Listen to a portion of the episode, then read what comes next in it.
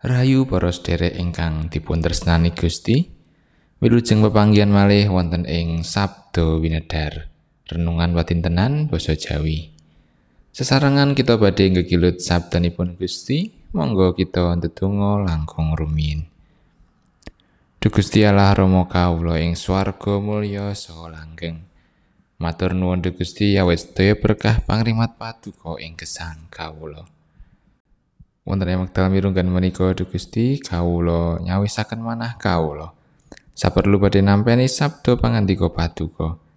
Mugi roh suci madangi manah kawula lan nyagetaken kawula mangertosi menapa ingkang paduka kersakaken tumrap kawula.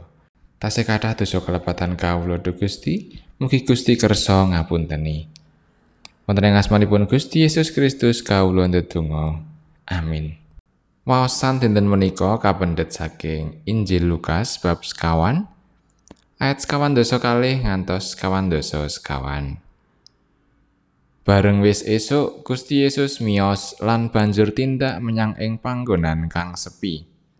Nanging wong akeh padha goleki lan iya ketemu. Kabeh padha gondeli Gusti Yesus supaya aja padha ditilar. Nanging padha dipangantikani. Injil kratoning Allah iku iya kudu dak wartak-wartakake menyang ing kutha-kutha liyane uga. Sebab iya iku perlune anggonku kautus. Panjenengane banjur memulang ana ing papan-papan pangibadah ing tanah Yudea. Makatan pangantikanipun Gusti, ayat na saking ayat sekawan dosa kali. Bareng srengenge wis mlethek, Gusti Yesus nuli tindak saka ing kutha kono menyang panggonan sing sepi. Wong-wong banjur padha goleki. Gusti Yesus tansah miwiti pakaryane saben dina kanthi ndedonga. Para murid sinau, saben esuk Gusti Yesus mesti tindak menyang panggonan sing sepi kanggo ndedonga. Ndedonga iku kang dadi sumbering kasantosan. Anggone bisa makarya saka esuk tekan bengi, memulang lan ngladeni wong-wong akeh sing padha goleki. Akeh kulawarga sing angel nglumpuk bebarengan. Bapak lan ibu wiwit esuk wis tindak nyambut gawe.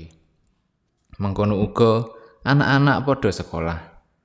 Nalika balik omah ing wayah bengi wis kesel. Sanajan ana omah bebarengan nanging jane ora bisa tetunggilan.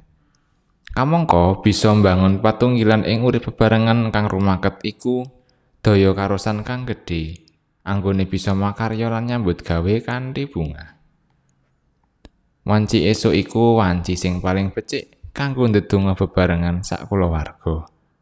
Ora mung ndedonga ijen, nanging sak omah bisa lungguh bebarengan, nglumpuk, ngidung, ngrasa-ngrasakake sabda kang winedar. Bebarengan nanggapi lan dongakne rancangan lan pagawean sing wis katata ing dina iku. Ora perlu suwe. Yen ora ngitung wektu 15 nganti 20 menit wae wis iya wis cukup. Menawa esuk kangelan lumrahe wayah bengi malah dadi luwih angel. Luwih gampang kanggo sak keluarga tangi 30 menit disiki supaya bisa ndedonga bebarengan ing wayah esuk tinimbang ing wayah bengi. Gusti Allah iku Gusti Allah katresnan.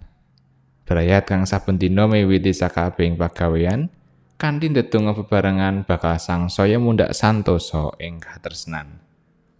Yen nunggil kalian Gusti, brayat sinau apa kang dadi dawuh timbalan lan kersane Gusti. Ora liya mbabarake katresnan ing urip bebrayatan lan uga ing brayat ageng sak tengahing masyarakat. Sumangga saben brayat tansah miwiti pakaryan saben dina kanthi ndedonga. Amin. saking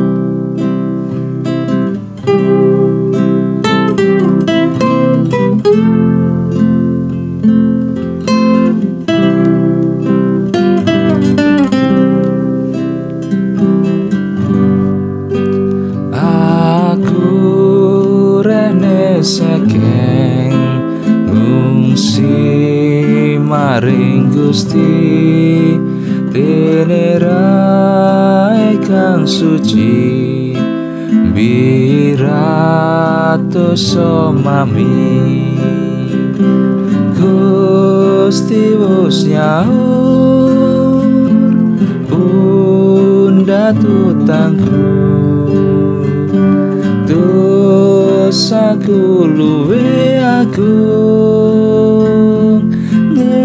Gusti kang lebur